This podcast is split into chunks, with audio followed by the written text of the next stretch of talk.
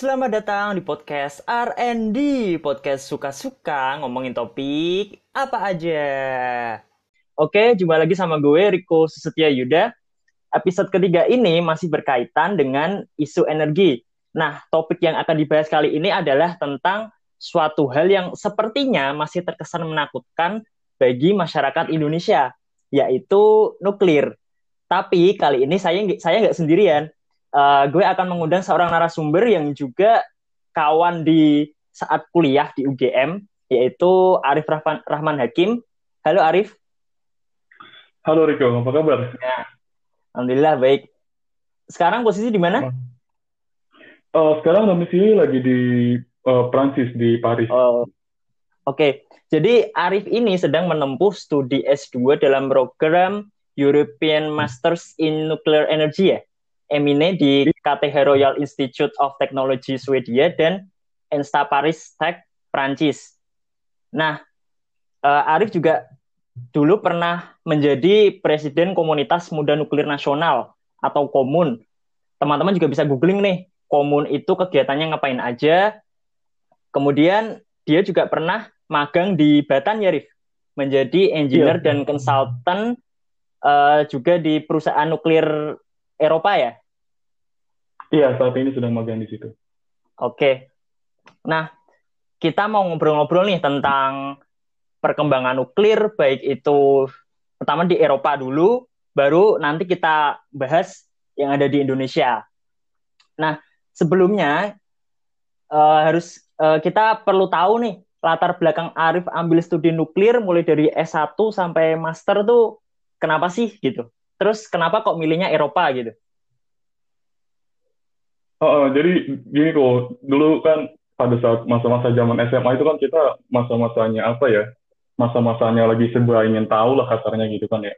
Nah, waktu hmm. SMA itu buat saat itu kan ada pelajaran fisika tuh. Nah, dulu gurunya tuh bilang, ini loh ada sumber berbagai macam sumber energi. Jadi disebutkan hmm. lah satu persatu. Terus beliau tahu-tahu menyebutkan kalau, oh ini loh ada sumber energi yang menarik untuk dibahas dan beliau tuh menyebutkan nuklir gitu. Nah dari situ akhirnya terinspirasi buat lanjutin S1 teknik nuklir. Dan kemudian setelah dicari-cari di Indonesia itu kan cuma ada satu ternyata di UGM. Jadi lanjutlah ke UGM gitu. Nah pas di UGM sendiri tuh waktu tahun kedua tuh emang udah ada rencana buat melanjutkan ke luar negeri gitu. Jadi udah kasarnya kepo-kepo lah gitu ke senior-senior yang udah berangkat ke luar negeri. Oke. Okay. Nah, dari hasil survei itu ada beberapa tuh, ada opsi lah kasarnya. Ada yang di Asia, jadi kalau yang di Asia tuh kayak di Korea, Jepang, hmm. terus ada di juga. Ada juga yang di Eropa, terus kayak Swedia, Prancis, Italia, Spanyol gitu. Ada juga di Amerika Serikat gitu. Nah dari berbagai macam itu akhirnya ya udah daftar aja deh di Tiongkok, di Swedia sama di program MINE ini gitu. Nah alhamdulillah waktu itu dapatnya, alhamdulillah tuh dapat di Tiongkok itu dapat di dua universitas. Di Swedia juga dapat satu tuh yang dua tahun full. Nah satu yang lagi tuh dapat yang double degree ini, MINE gitu. Terus setelah mempertimbangkan berbagai macam kayak kata apa kedekatan dengan industrinya, terus kayak kecocokan dengan kultur akademiknya, akhirnya ngambilnya yang ini, yang ini, gitu. Oke. Terus sebenarnya pengembangan nuklir di Eropa tuh sekarang gimana sih? Kan waktu dulu itu tahun 1986 ya, yang kejadian di Chernobyl uh, seperti membuat trauma gitu penduduk di Eropa dan uh, apa namanya Uni Eropa sendiri. Nah sekarang tuh gimana sih sebenarnya? Uh, jadi kan uh, pertama uh, kita perlu uh, tegaskan dulu nih kan ada perbedaan ya antara benua Eropa sebagai benua dengan Uni Eropa gitu. Nah pada kali ini kayaknya mungkin gue fokusnya ke negara-negara termasuk di Uni Eropa aja gitu. Jadi kalau berdasarkan data itu kan sebenarnya ada 109 PLTN di Uni Eropa gitu. Jadi tersebar di berbagai negara, jadi dari 17 dari 27 negara gitu. Jadi secara singkat PLTN itu sendiri tuh menyuplai hingga hampir seperempat listrik dari Uni Eropa. Oh, Terus kan kemarin nih, akhir-akhir ini kan kita lagi ada isu kenceng nih terkait uh, perubahan iklim. Nah, yeah. Uh, isu-isu ini tuh akhirnya mengangkat isu lagi tambahan yang namanya transisi energi atau bahasa kerennya itu zaman sekarang energy transition gitu. Jadi dari energi-energi konvensional yang polusi, yang kotor ke energi-energi terbarukan gitu. Nah dampak di negara Eropa sendiri itu secara, secara umum itu ada tiga gitu. Jadi ada yang pertama negara-negara yang menutup fasilitas PLTN-nya eh, maaf negara-negara yang menutup fasilitas pembangkitan konvensional jadi kayak uh, menutup batu bara, menutup uh, gas natural gas gitu. Kemudian mereka tuh meningkatkan kapasitas nuklirnya gitu dan energi terbarukan lainnya gitu. Nah, terus ada lagi negara yang kedua nih, jenis kedua. Jadi dia tuh memilih untuk menutup PLTN-nya, terus meningkatkan kapasitas yang terinstal pembangkit energi terbarukannya. Nah, ada lagi negara yang ketiga jenisnya. Jadi negara yang memang nggak punya PLTN, ya udah dan dia fokusnya terhadap energi terbarukan aja gitu, energi terbarukan yang lainnya. Jadi ya. dari semenjak dari Chernobyl itu, yang menarik adalah posisi negara-negara yang ada di bagian yang kedua ini. Jadi mengapa? Hmm. Soalnya ada negara yang contohnya yang tidak perlu kita sebutkan namanya, dia tuh mengambil langkah untuk menutup PLTN secara masif dengan tujuan dengan alasan katanya menurunkan polusi terhadap lingkungan dan membangun pembangkit listrik energi terbarukan lainnya seperti kayak pembangkit listrik tenaga angin dan yeah. solar cell lainnya gitu loh. Nah tentunya ada konsekuensi dari pilihan tersebut ini gitu loh. Secara secara singkat kan kalau PLTN itu terkenal dengan base load-nya gitu. Jadi dia menghasilkan listrik secara stabil 24 jam selama 7 hari gitu. Nah ketika PLTN ini ditutup, mau nggak mau, pembangkit listrik energi terbarukan yang ada ini harus bisa menggantikan kapasitas nuklir yang telah dihilang gitu kan ya. Nah, okay. Padahal pada pembangkit energi terbarukan ini akan selalu ada isu yang namanya intermittency gitu. Jadi kasarnya pembangkit listrik tenaga terbarukan ini belum bisa menghasilkan listrik 24 jam selama 7 hari gitu. Iya, iya. Teknologi dengan baterai itu akan sangat sulit menyimpan energi yang cukup besar. Jadi kayak kita punya sesuatu yang bisa membangkitkan tapi cuma pada saat kasarnya pembangkit listrik tenaga solar cuma bisa menghasilkan pada saat dari daytime aja gitu. Ketika malam tidak bisa menghasilkan. Berarti energi yang dihasilkan pada saat siang hari itu harus disimpan di baterai gitu dan itu membutuhkan fasilitas baterai yang sangat sangat sangat besar gitu. Jadi pada akhirnya negara-negara yang pada kondisi opsi kedua ini yang menutup PLTN yang terus menggantinya dengan pembangkit listrik tenaga energi terbarukan yang lainnya, akhirnya nggak bisa gitu menghasilkan listrik pada saat angin, angin tidak bertiup dan matahari tidak bersinar gitu. Nah akhirnya yeah. lucunya dia akhirnya membangun pembangkit listrik gas atau batu bara yang justru masih polusi gitu. Jadi yeah. secara umum dia menutup PLTN yang tidak menghasilkan CO2 dan uh, eh, SOX, tapi dia akhirnya menggantinya dengan membangun pembangkit listrik tenaga gas dan batu bara yang jelas menghasilkan polusi gitu. Polusi. Uh -uh. Nah ini sebenarnya kasus-kasus seperti ini tentang apa berbagai macam uh, kebijakan yang di negara-negara di Eropa diambil ini telah dibahas secara lengkap kok. Jadi ada beberapa buku. Salah satunya buku yang menarik itu yang menurut gue keren banget itu karya ini judulnya A Black Future or some countries have solved the climate change and the rest could follow. Itu karyanya Joshua uh, S. Goldstein. Jadi keren banget sih emang. Jadi kayak membahas beberapa kasus kayak negara yang bahkan jauh-jauh hari udah mempertim yang sebelum isu climate change ini ada, negara-negara kayak Swedia, Prancis, Korea Selatan, dan uh, Ontario di Kanada itu justru akhirnya dia telah menyelesaikan masalah climate change ini jauh-jauh hari gitu. Oke. Nah, sebenarnya uh, resource untuk membangun apa membuat reaktornya bekerja itu apa sih Rif di sana Rif? Uh, resource maksudnya resource secara sumber daya uh, alamnya. Uh, secara umum kan sebenarnya komponen utamanya dari PLTN kan itu ada konkret ya, kasarnya betonnya, terus ada ya. banyak menggunakan besinya, terus nanti ada material-material lainnya tentunya. Tapi yang paling banyak memang secara umum konflik dengan besinya terus kemudian disusul dengan bahan, uh, apa, bahan bakarnya tentunya.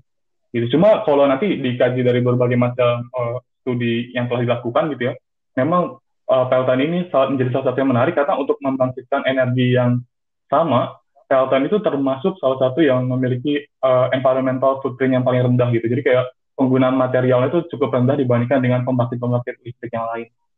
Gitu kok. Untuk bahan bakarnya apa ya? Uranium atau thorium atau yang lain gitu di nah, Eropa? Ini, uh, menarik juga. Jadi secara umum itu memang dari uh, penggunaan bahan bakar di PLTN itu secara umum yang kita gunakan adalah namanya uranium. Nah, namun kan uranium okay. yang dialirkan uh, kasarnya perlu kita proses lagi gitu untuk akhirnya bisa digunakan di PLTN yang kita punya saat ini gitu. Nah, secara umum memang uranium, cuma beberapa negara lain itu udah ada yang menggunakan namanya plutonium gitu. Jadi campur antara uranium dan plutonium. Nah, dari plutonium ini sebenarnya asal muasalnya dari hasil penggunaan bahan bakar gitu. Jadi kasarnya kita udah punya bahan bakar awalnya uranium, terus kita pakai. Nah, kemudian hasil pemakaian itu ada plutoniumnya. Nah, jadi plutonium itu kita pisahkan, terus kita gunakan lagi sebagai bahan bakar gitu. Jadi kasarnya sampah dari penggunaan pertama kita proses ulang, terus kita gunakan lagi sebagai bahan bakar gitu loh. Nah, itu untuk yang uranium dan plutonium. Secara umum seperti itu. Nah, terus ada lagi bahan bakar yang menarik itu yang sedang ya, lagi naik-naiknya itu terkait thorium. Thorium ini tidak diproses dengan cara yang sama seperti uranium. Jadi kasarnya dia sudah tidak perlu di bahasa teknikal tidak perlu di enrich lagi, tidak perlu diperkaya lagi. Jadi kasarnya cuma uh, mengambil dari lingkungan, terus dibersihkan dari pengotor yang lain, terus akhirnya digunakan gitu. Seperti itu. Oke.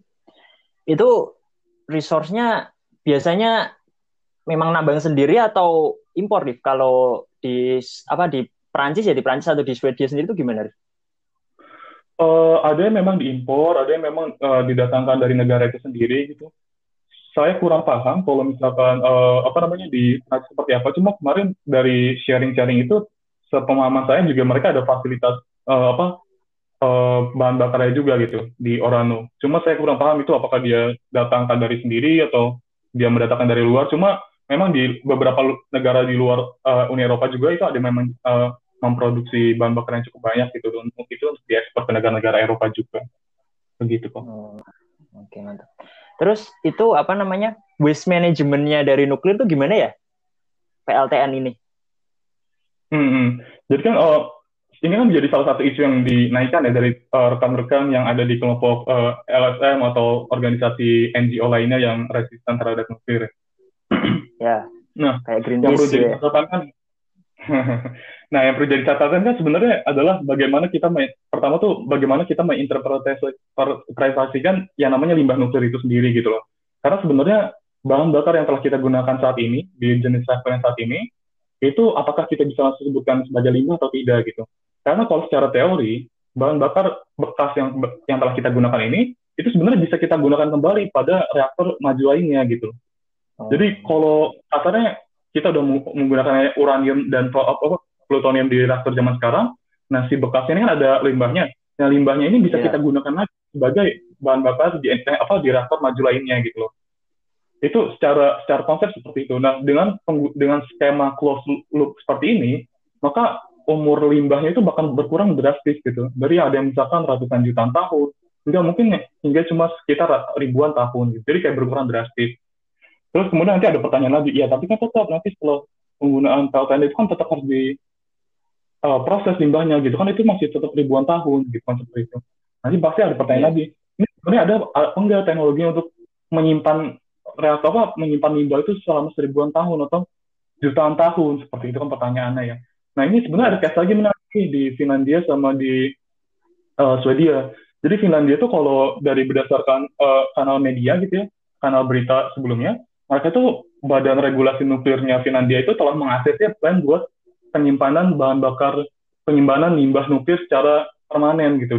Nah, namanya itu geological uh, waste depository gitu. Jadi kayak dia katanya menyimpan bahan bakar itu di bawah uh, struktur geologi seperti itu untuk selamanya yeah. gitu. Begitu. Jadi secara teknikal memang sebenarnya sudah ada teknologinya gitu untuk yang menyimpan secara kasarnya secara lebih lama gitu. Gitu. Jadi uh, uh, isu banda apa isu limbah ini memang isu yang menarik dibahas secara teknikal gitu loh. Tapi bukan berarti solusinya belum ada gitu. Solusinya sudah ada beberapa dipropos nanti tinggal kemudian dikaji kembali ke negara-negara masing-masing. Apakah cocok mengambil solusi A atau cocok mengambil solusi B dan seterusnya gitu. Karena tiap negara kan tidak memiliki fitur uh, geologi yang sama seperti itu ya yeah. oke okay. tapi resistensi itu tetap ada ya di sana ya. Tetap, ada. Ya. Terus uh, mau tanya dulu nih, uh, tadi lupa dijelasin di awal ya. Sebenarnya perkembangan reak apa ya reaktor generasinya tuh di Eropa gimana sih? Mungkin mulai dari generasi satu sampai sekarang udah generasi berapa ya? Empat ya? Atau oh, mungkin ada, udah ada. lagi? Uh, jadi kan secara umum begini ya, uh, kisahnya kan dari zaman-zaman ketika penggunaan nuklir itu buat produksi senjata, kemudian berubah menjadi penggunaan nuklir itu sebagai penghasil energi komersial, terus hingga berkembang saat ini gitu. Nah pada zaman-zaman dahulu itu kan pada saat proyek-proyek uh, sedang perang dunia kedua, memang teknologi yeah. nuklir itu saat itu dikembangkan untuk uh, sebagai tujuan persenjataan seperti itu. Ada nanti project yang terkenal itu kayak namanya Manhattan Project dan seterusnya gitu. Nah setelah anggaplah kita selesai dengan perang dunia kedua ini gitu, penggunaan nuklir itu mulai digeser uh, ke penghasil energi buat komersil seperti itu. Nah meskipun penghasil energi buat komersil, nah ini mereka punya kayak semacam hidden agendanya itu memproduce namanya plutonium gitu, menghasilkan plutonium. Yang plutonium sendiri ini yang akhirnya bisa digunakan buat senjata nuklir gitu. Nah, pada masa-masa kayak kita transisi dari Perang Dunia Kedua ke penggunaan energi nuklir buat tujuan komersil, nah ini desain PLTN itu sangat bervariasi sekali. Jadi semacamnya kayak nggak ada standarnya seperti itu kasarnya. Jadi kayak okay. ya udah saya desainer, gue di desainer A, gue mau buatnya kayak gini gitu loh. Terus ada desainer lain, gue mau buatnya seperti ini. Jadi kayak nggak ada standar yang jelas gitu loh. Jadi yeah. kayak sedang masa-masa eksplorasi. Nah pada masa-masa seperti ini, desain-desain yang dihasilkan itu bisa kita sebut sebagai desain uh, reaktor generasi pertama gitu. Jadi kayak tidak ada standarnya, terus sangat-sangat bervariasi. Jadi kasar ide-ide gila dari reaktor itu ada pada di generasi satu ini gitu. Nah kemudian seiring dengan berjalannya waktu, kemudian kan ada semacam kayak feedback ya dari hasil uh, operasi dari reaktor reaktor yang telah mereka gunakan gitu. Nah akhirnya mereka incorporate itu mereka masukkan ke desain selanjutnya. Nah desain selanjutnya inilah yang disebut dengan LTM generasi kedua gitu loh. Nah secara umum di uh, dunia-dunia saat ini uh, PLTN PLTN yang telah lama itu biasanya adalah generasi kedua gitu. Dan generasi kedua ini umumnya menggunakan uh, air gitu sebagai pendinginnya. Gitu. Nah dari generasi kedua sendiri ini kan udah kita udah beroperasi nih sekitar 40 tahun 50 tahun 60 tahun. Nah itu juga ada feedbacknya. Jadi kita telah belajar lah dari kecelakaan yang namanya di Chernobyl terus ada lagi kecelakaan di namanya uh, Three Mile Island terus dari Fukushima juga. Nah dari yeah. berbagai macam kecelakaan yang telah ada terus feedback dari operasi dan maintenance yang telah dilakukan mereka incorporate lagi ke desain mereka buat diupdate gitu atau bahkan menggunakan desain yang baru. Nah, desain yang baru ini adalah desain reaktor jenis ke, uh, generasi ketiga. Nah, reaktor generasi ketiga ini uh, sekarang tuh di Eropa tuh ada beberapa yang sedang dibangun gitu. Contohnya itu kalau di Uni Eropa sendiri itu ada di uh, di Prancis sedang bangun juga uh, namanya European Pressurized Water Reactor EPR itu masih areanya uh, Prancis sendiri gitu. Nah, terus di Inggris juga sedang dibangun dua unit EPR gitu. Jadi sama-sama generasi ketiga atau tiga plus gitu. Nah, terus dari pelajaran-pelajaran ini juga, nah sekarang itu mereka sedang uh, secara umum uh, researcher juga dan stakeholder lainnya sedang mengembangkan juga namanya teknologi uh, reaktor maju atau generasi keempat. Nah, generasi keempat ini isu yang diangkat adalah lebih sustainable gitu, terus lebih ekonomis, terus juga lebih apa lebih selamat, lebih aman, terus lebih lebih-lebih lah dari kasarnya dari yang dari uh, generasi reaktor ketiga ini. Gitu. Namun secara uh, yang komersial gitu untuk generasi keempat di Eropa itu belum ada pemahaman saya. Yang ada itu baru ada semacam prototip dan uh, dari fasilitas PLTN generasi keempat seperti itu.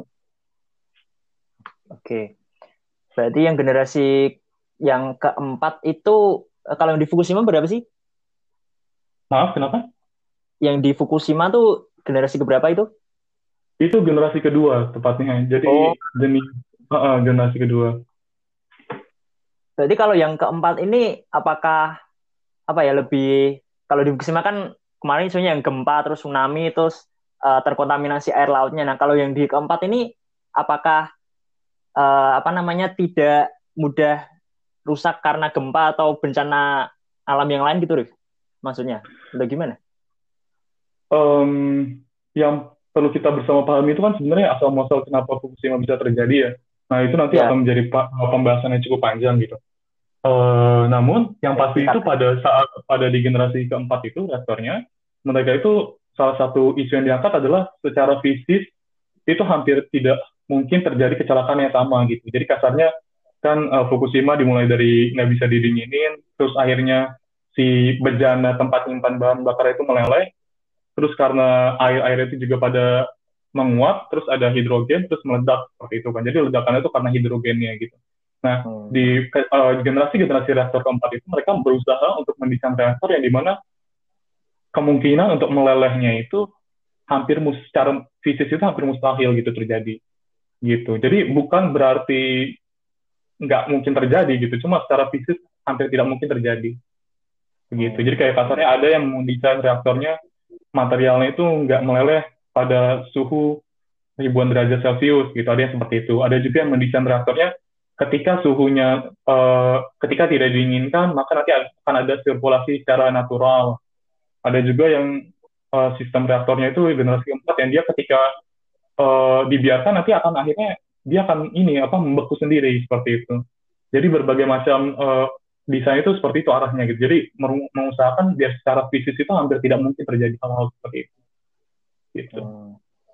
Berarti yang di yang di Fukushima tuh kabar terakhirnya gimana ya? Apakah di upgrade atau gimana ya itu?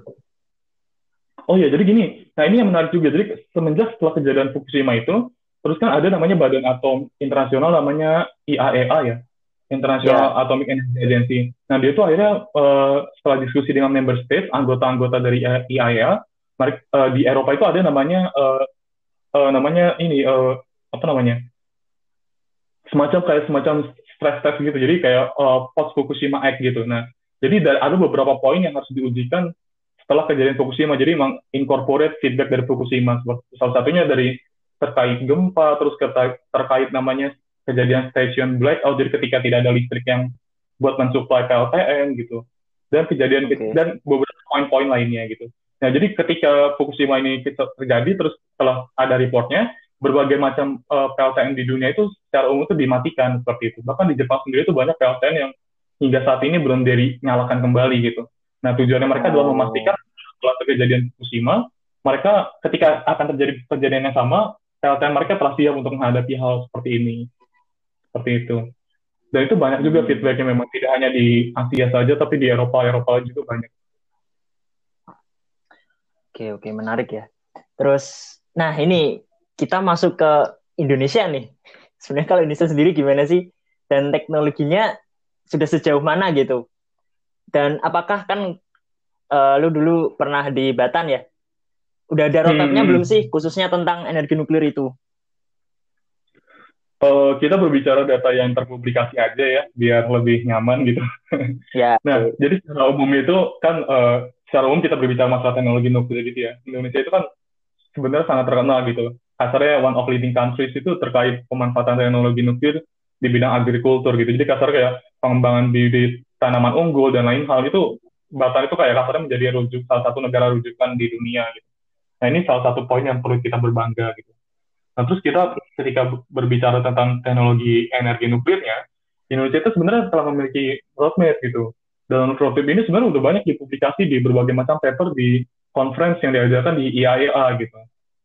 Nah terakhir progresnya, terakhir yang saya eh, yang gue dengar itu di um, melalui kayak kanal-kanal berita itu Indonesia itu melalui Batan dan beberapa stakeholder lainnya itu sudah mengembangkan teknologi reaktor sendiri gitu.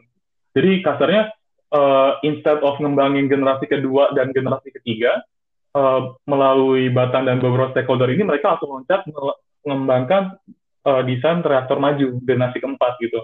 Okay. Namanya ini HTGR kasarnya. Jadi di, daripada didinginkan dengan air, mereka didinginkan dengan gas gitu.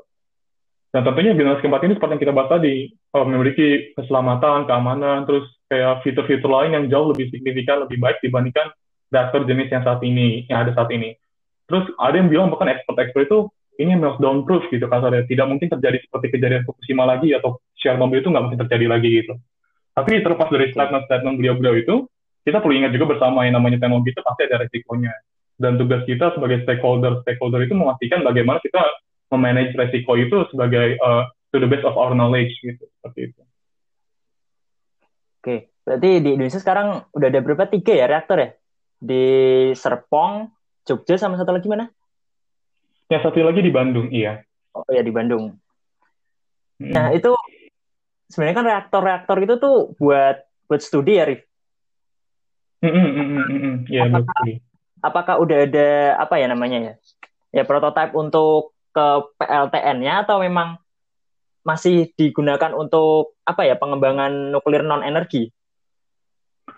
Uh, kan secara umum memang uh, ada perbedaan dari desain reaktor riset dengan reaktor yang buat menghasilkan energi komersil seperti itu ya. Jadi okay. kalau untuk fasilitas prototip buat PLTN sendiri itu pemahaman saya di Indonesia belum ada seperti itu. Jadi bahkan uh, proyek yang sedang dijalankan Batan ini namanya reaktor daya eksperimental itu adalah merupakan salah satu kayak uh, usaha untuk membangunkan uh, untuk mencoba teknologi energi nuklir sendiri gitu. Jadi kayak dan pemahaman saya juga pernah ada isu bahwa uh, uh, tapaknya itu pertama itu akan dicoba di daerah Serpong juga.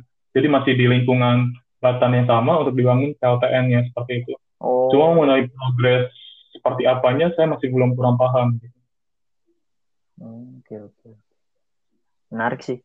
Terus uh, kan gue juga lihat di media massa ya kalau rencana tapak pembangunan PLTN itu yang skala komersil itu uh, di Kalimantan Barat nanti. Nah, gue memang melihat mm -hmm. ini opsi yang baik ya karena mengingat pulau di Kalimantan itu titik-titik epicentrum gempanya lebih sedikit dibandingkan wilayah lainnya. Dan memang secara geologis wilayah ini cukup stabil stabil dari aktivitas tektonik. Nah, menurutmu ini gimana, Rif? Terlebih nanti kan uh, eh, IKN kita ya, ibu kota negara baru ya belum tahu nih jadi atau enggak hmm. pindah ke Kukar dan Penajam Pasar Utara yang di Kalimantan Timur gimana Rif ini hmm. Uh, nah ini menurut gue menarik karena kan kebetulan gue ngambil peminatannya di tahun kedua ini kan nuclear plant design gitu ya di Enstal yeah. Paritas ini nah jadi kayak kita tuh belajar nih kayak apa aja sih faktor-faktor yang harus dipertimbangkan ketika membangun PLTN gitu dari kayak semacam uh, natural hazard kayak aktivitas tektonik, vulkanik, terus ada tsunami, angin puyuh gitu dan lain hal. Tentu penting banget nih untuk memastikan bahwa situs kelautan itu kan memiliki natural hazard yang acceptable gitu yang kasarnya uh, bisa kita manage seperti itu. Tapi perlu dicatat juga, jadi kayak natural hazard ini bukan satu-satunya poin pertimbangan dalam penentuan tapak seperti itu. Ada banyak banget poin pertimbangan lainnya terkait tapak ini. Kayak contohnya terkait aspek ekonomi gitu. Bagaimana kita nanti mengirim material ke akses ke lokasi tersebut gitu loh. Nanti kan ini yeah. terkait juga nih instruksi dan logistiknya juga kan, bahan pembangunan yeah. ke sana gitu, apakah melalui laut, apakah melalui darat gitu. Terus jadi kalau letak PLTN nanti tidak terletak dekat laut, itu bagaimana cara mengirim uh, berbagai macam materialnya seperti soalnya kan material itu cukup berat seperti itu dan itu tidak semua jalan itu mampu untuk menahan beban seperti itu gitu loh. Nah terus juga ada pertanyaan mengenai bagaimana supply ketika terjadi emergensi seperti itu. Nah jadi kayak banyak banget nih dari poin ekonomi aja banyak banget gitu. Belum nanti kita memastikan bahwa ke depannya uh, ya jadi kayak itu terkait uh, poin ekonominya. Terus ada lagi faktor politik nih. Bagaimana kayak semacam penerimaan di daerah tersebut. Jadi kayak bagaimana respon pemerintah daerah, bagaimana respon masyarakat terhadap pembangunan rencana tersebut gitu loh. Terus bagaimana juga uh, dampak yang didapatkan dari masyarakat terhadap dari pembangunan PLTN. Jadi kayak apa sih dampak ekonomi pembangunan PLTN terhadap masyarakat sekitar, terhadap lingkungan sekitar dan sebagainya gitu. Itu baru dari aspek politik. Ada juga aspek keamanan. Jadi uh, seperti kita tahu kan PLTN itu salah satu fasilitas kritikal sebuah negara gitu ya. Nah jadi apakah lokasi-lokasi tersebut itu nanti akan rawan atau tidak terhadap ancaman eksternal gitu, secara geografis, apakah nanti secara serangan melalui udara atau secara serangan melalui darat gitu kayak udara ini secara umum biasanya itu diambil contohnya adalah airplane crash gitu. Jadi kayak ada pesawat yang sengaja dijatuhkan ke fasilitas PLTN gitu. Dan ada lagi berbagai macam kayak pertimbangan yang perlu di uh, uh, kaji gitu. Seperti kayak kestabilan grid listrik dan lain hal gitu. Jadi kayak natural hazard ini memang salah satu faktor yang penting gitu. Tapi terdapat juga faktor penting-penting lainnya harus dipertimbangkan gitu. Jadi ke depannya mesti uh, ada suatu kondisi di mana nanti tapak itu memiliki natural hazard yang uh, aktif gitu ya tapi selama itu bisa manageable dengan teknologi yang kita miliki, itu secara umum sebenarnya masih acceptable seperti itu. Jadi nggak harus nggak harus banget kita memilih uh, lokasi yang pure nggak ada aktivitas tektonik sama sekali gitu loh. Tidak harus seperti itu gitu sebenarnya. Soalnya kan dari tiap tapak itu nanti ada semacam matrix ya gitu. Apakah nanti di suatu tapak natural hazardnya lumayan aktif, tapi di satu sisi lain kayak aspek ekonomi, terus politik, keamanannya lebih baik. Nah ini harus kita pertimbangkan gitu. Jadi dari berbagai macam faktor itu nanti kita optimize, kita cari tapak yang akhirnya secara umum bagus semua gitu faktornya. Oke. Gitu. Nah, ini menurut kacamata lu nih, sebenarnya yang seharusnya dilakukan pemerintah untuk memuluskan roadmap-nya ini dalam memanfaatkan nuklir dan eh, khususnya si nuklir ini gimana sih? Terutama dalam mengatasi resistensi masyarakat dan LSM. Hmm, Uh, nah ini kan menarik ya. Secara umum kan uh, kelompok-kelompok resisten ini kan uh, ada berbagai macam alasannya gitu ya. Ada yang dari nggak uh, setuju karena ekonominya, aspek ekonomi dari PLTN gitu. Ada juga yang nggak setuju karena aspek keselamatannya. Ada juga yang nggak setuju karena aspek keamanannya. Ada juga yang nggak setuju terkait uh, aspek limbah nuklirnya gitu ya. Nah, yeah. kita bahas tersingkat dulu uh, terkait poin-poin satu-satunya ya. Nah, kayak dari aspek ekonomi kan sebenarnya menjadi tantangan utama terkait PLTN ini. Ini salah satu real challenge terhadap PLTN gitu. Karena pembangunan PLTN itu kan yang pertama itu biaya overnight cost-nya sangat tinggi gitu ya. Jadi kata uh, investasi awal itu sangat tinggi, terus kemudian breaking even point itu agak lama gitu. Jadi kayak kembali modal itu agak lama gitu loh. Tidak seperti pembangkit-pembangkit listrik lain yang dibangun jadi udah bangunnya cepat, terus habis itu cepat balik modalnya seperti itu. Nah. Itu yang terkait poin uh, ekonominya. Belum lagi kita uh, membahas terkait harga listriknya. Terus kewajaran regulasi keselamatannya gitu. Ada beberapa negara yang menerapkan peraturan keselamatan itu sangat sangat sangat sangat uh, ketat, ketat hingga terkadang itu pada mencapai suatu titik pada peningkatan aspek itu tuh tidak meningkatkan aspek keselamatannya gitu. Jadi kayak kasarnya meminta spesifikasi A, B, C, D, F, G, tapi sebenarnya secara uh, aspek keselamatannya itu nggak meningkatkan gitu loh. Nah, peningkatan kompleksitas dari peraturan seperti ini itu justru juga bisa mengakibatkan kenaikan harga dari pembangun, apa, uh, pembuat uh, pembangunan PLTN gitu. Itu dari aspek ekonominya nih, kelompok-kelompok yang resisten terhadap PLTN. Ada juga yang dari uh, aspek keselamatannya gitu. Nah, ini jadi perdebatan panjang lagi gitu. Cuma kita bisa simpulkan bahwa kalau berdasar data yang ada, justru PLTN itu memiliki angka kematian paling kecil per terawatt hour yang dibandingkan gitu loh. Jadi kayak okay. contohnya nih ada suatu bias yang bergerak di masyarakat gitu ya, uh, dan yeah. kita semua bahwa semacamnya uh, ada pertanyaan kayak beberapa survei mengatakan bahwa kayak berapa banyak sih sebenarnya orang yang meninggal karena radiasi kecelakaan karena radiasi pada kecelakaan Chernobyl dan Fukushima gitu. Nah ada bagian banyak sebagian banyak orang tuh menyebutkan ada yang bilang ratusan, ada yang bilang ribuan, ada yang bilang ratusan ribuan gitu loh. Nah ini adalah semacam ada terbangkit semacam kayak semacam uh, kesalahan persepsi yang ada gitu di masyarakat. Contohnya ini saya kutip dari uh, gitu ya. Ini salah satu uh, badan di bawah PBB namanya UNSCEAR UNCEAR. Nah, berdasarkan ya. uh, epidemiologi tadi yang mereka lakukan, itu ternyata hanya 28 orang loh pemadam kebakaran yang meninggal dikarenakan radiasi secara langsung gitu. Terus oh. Orang yang akhirnya meninggal karena kanker tiroid gitu loh. Terus tidak ada ter efek terhadap fertilitas, malformity atau infant informali, uh, mortality gitu. Jadi justru dari data yang riset yang epidemiologis yang dikondak oleh uh, PBB ini ini PBB ya yang melakukan riset gitu ya, bukan lembaga lain. Ya, karena berarti kemungkinan untuk bias, bohong dan itu sangat-sangat kecil sekali. Dan itu seperti itu datanya gitu loh. Jadi cara yang langsung itu yang meninggal karena radiasi hanya 28 orang gitu. Terus yang karena kanker akibat radiasi itu 15 orang gitu loh. Terus bagaimana uh, angka kematian yang sangat tinggi ini asalnya dari mana gitu loh. Nah justru ini dari major problem of fear of radiation gitu. Jadi karena pengambilan tindakan keputusan tidak tepat, akhirnya mengakibatkan uh, kepanikan massal akhirnya dari sanalah lahir angka-angka kematian lainnya gitu karena evakuasi yang tidak sebenarnya dinilai mungkin tidak perlu gitu akhirnya mengakibatkan kepanikan stres dan uh, efek-efek psikologis yang lainnya terus di Fukushima juga ada pertanyaan sebenarnya berapa banyak sih orang yang meninggal karena radiasi gitu ada yang bilang juga sama kayak tadi ratusan ribuan ribuan dan lain hal gitu ternyata berdasarkan data dari IAEA tadi itu sebenarnya nggak ada orang yang meninggal langsung karena radiasi gitu loh Hmm. Justru perkiraan bahkan 2000 orang itu meninggal karena evakuasi atau karena stres yang diakibatkan oleh evakuasi itu sendiri gitu. Dan tahu nggak yang lebih menarik lagi ternyata adalah 20 ribu orang yang justru meninggal karena tsunami itu sendiri gitu. Jadi nol orang yang meninggal karena radiasi, 2000 orang meninggal karena evakuasi atau stres yang diakibatkannya, dan 20 ribu orang yang meninggal karena radiasi. 20 ribu? Jadi ya, ah, 20 ribu orang yang meninggal karena, uh, karena uh, tsunami. Jadi itu oh. jadi kayak berbagai macam kan uh, alasan dari LSM, LSM itu sendiri. Nah, poin pentingnya adalah bagaimana memastikan bahwa kita tuh me, apa bahasanya menyesuaikan uh, langkah-langkah kita berdasarkan L, dasar dari LSM itu sendiri gitu. Jadi ketika kita bertemu dengan LSM yang menolak karena alasan ekonominya, nah kita mencoba mencari solusi terkait ekonomi itu sendiri gitu. Ada LSM LSM yang tidak bergerak karena aspek keselamatannya gitu karena mereka meragukan keselamatan dari PLTN, makanya harus juga disesuaikan approach-nya seperti itu. Nah, secara umum itu kita juga um, ada LSM juga nih secara umum yang bergerak tuh karena atas gerakannya sains gitu, atas dasar sains yang jelas dan tidak bias. Tapi ada juga tentunya uh, LSM lainnya di mana sains itu bukanlah driver utama gitu dalam opini mereka gitu.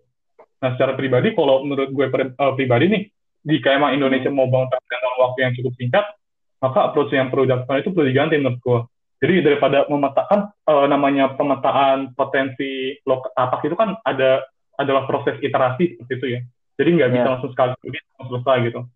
Jadi yeah. kayak menurut gue pribadi daripada memetakan lokasi kemudian uh, awal dulu potensi terus kemudian melakukan cek penerimaan masyarakat atau LSM di lokasi, lebih baik diubah approach-nya gitu. Jadi kayak pertama pemerintah atau stakeholder itu melakukan uh, epidemiologi study dulu secara awal.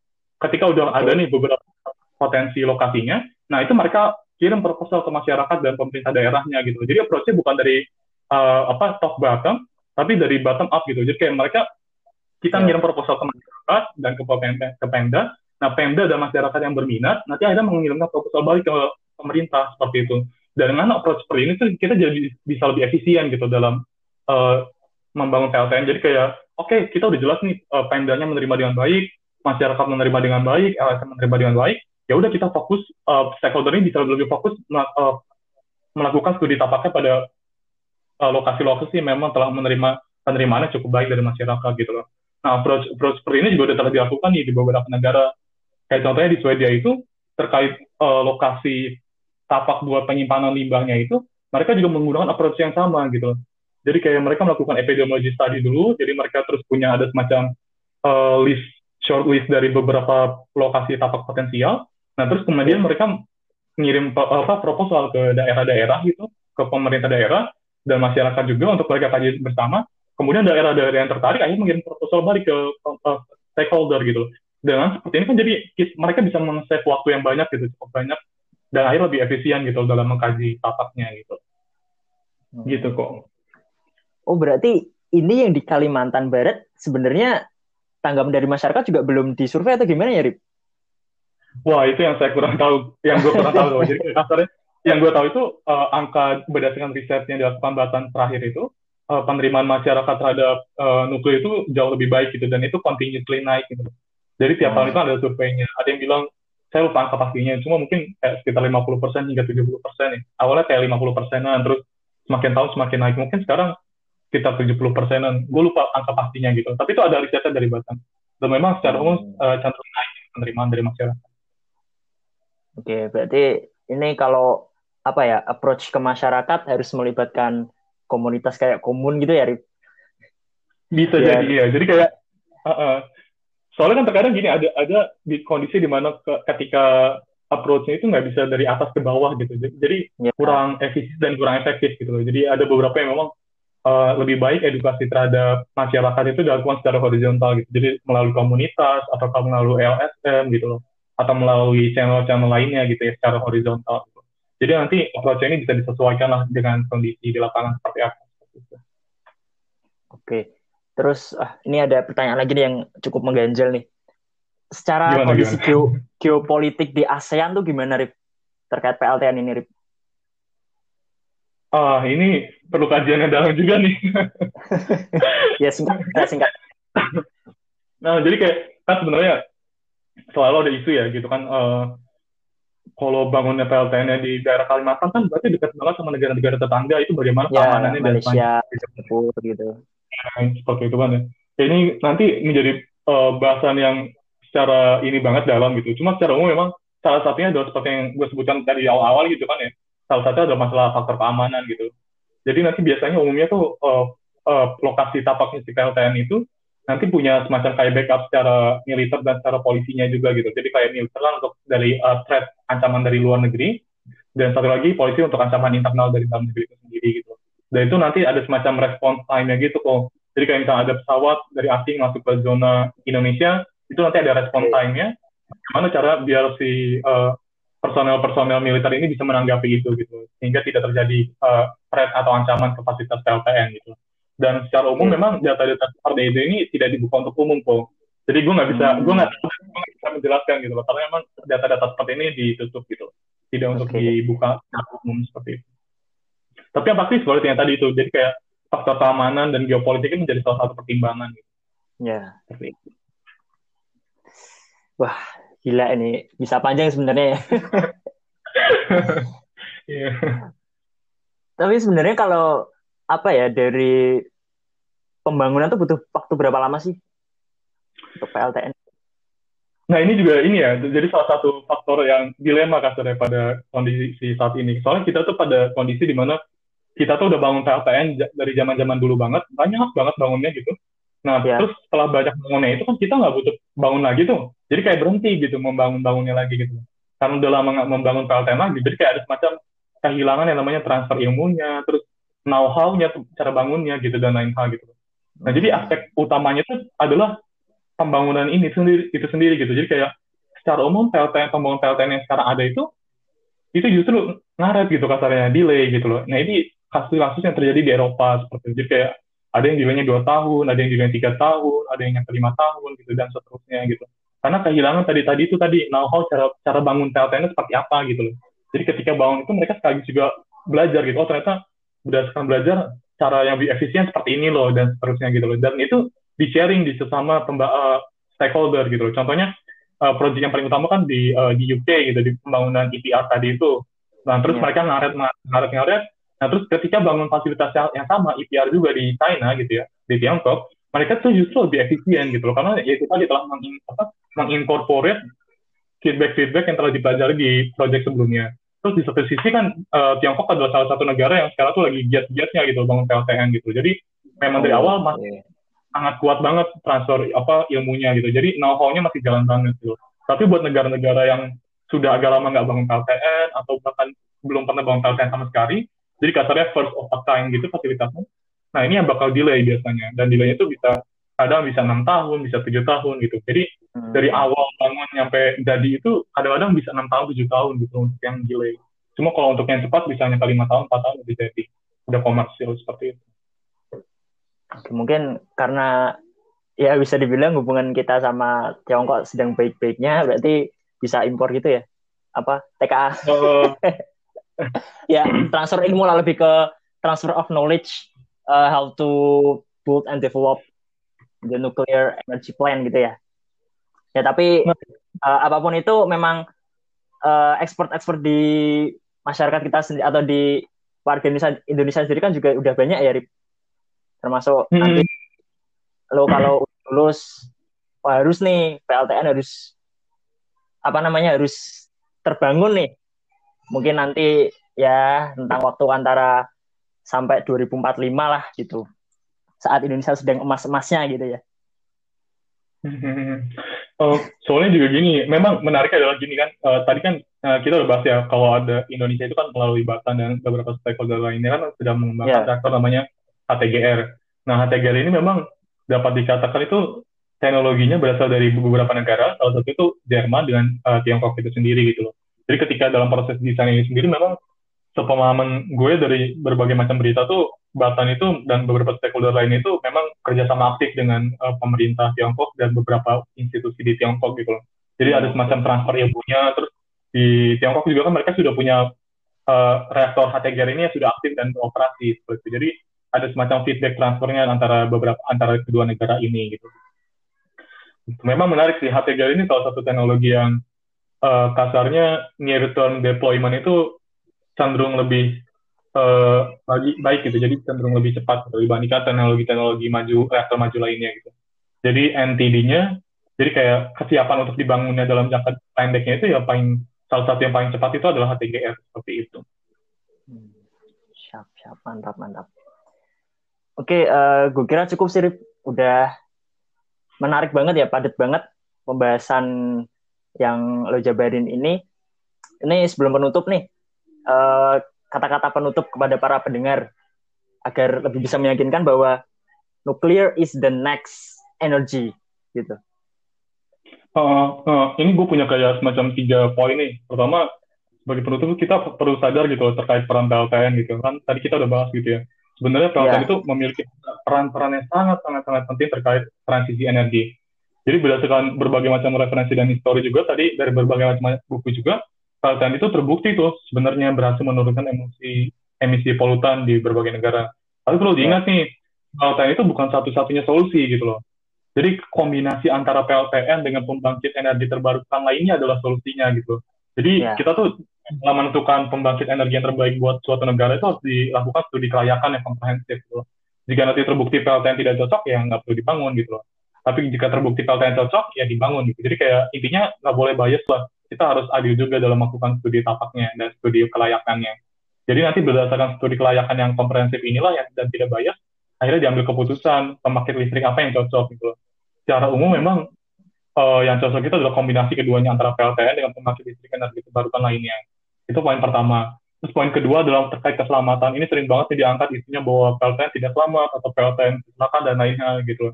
Yang perlu diingat itu adalah setiap teknologi itu punya resikonya masing-masing gitu loh. Dan ini nggak cuma terjadi pada PLTN gitu loh, tapi pada pembangkit listrik energi terbarukan lainnya gitu loh. Nah, tugas stakeholder-stakeholder PLTN adalah memastikan bagaimana kita bisa memanage resiko itu gitu loh, to the best to the best of our knowledge gitu. Jika resiko yeah. itu terlalu tinggi, apakah mungkin kita menurunkan resiko itu gitu dan seterusnya gitu. Dan perlu kita catat juga bahwa kematian per terawatt hour yang dibangkitkan dari PLTN itu cukup rendah dibandingkan dengan pembangkit listrik yang lain. Nah, itu terkait poin kedua dengan keselamatan. Yang ketiga itu terkait kekhawatiran masyarakat dan kita semua nih. Ini gue pernah dengar nih, buat menarik gitu loh. Intinya adalah people are afraid of two things gitu. First, the things that they are not able to control, and the second one is the things that they don't actually know gitu.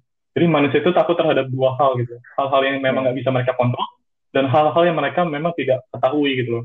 Nah, yeah. PLTN ini merupakan satu teknologi yang sangat sangat sangat padat teknologi banget sehingga itu memang sulit dipahami oleh uh, masyarakat secara umum gitu loh. Nah, yang perlu dicatat adalah kembali ke tadi bahwa gue nggak pernah bilang kalau PLTN adalah solusi terbaik yang ada gitu.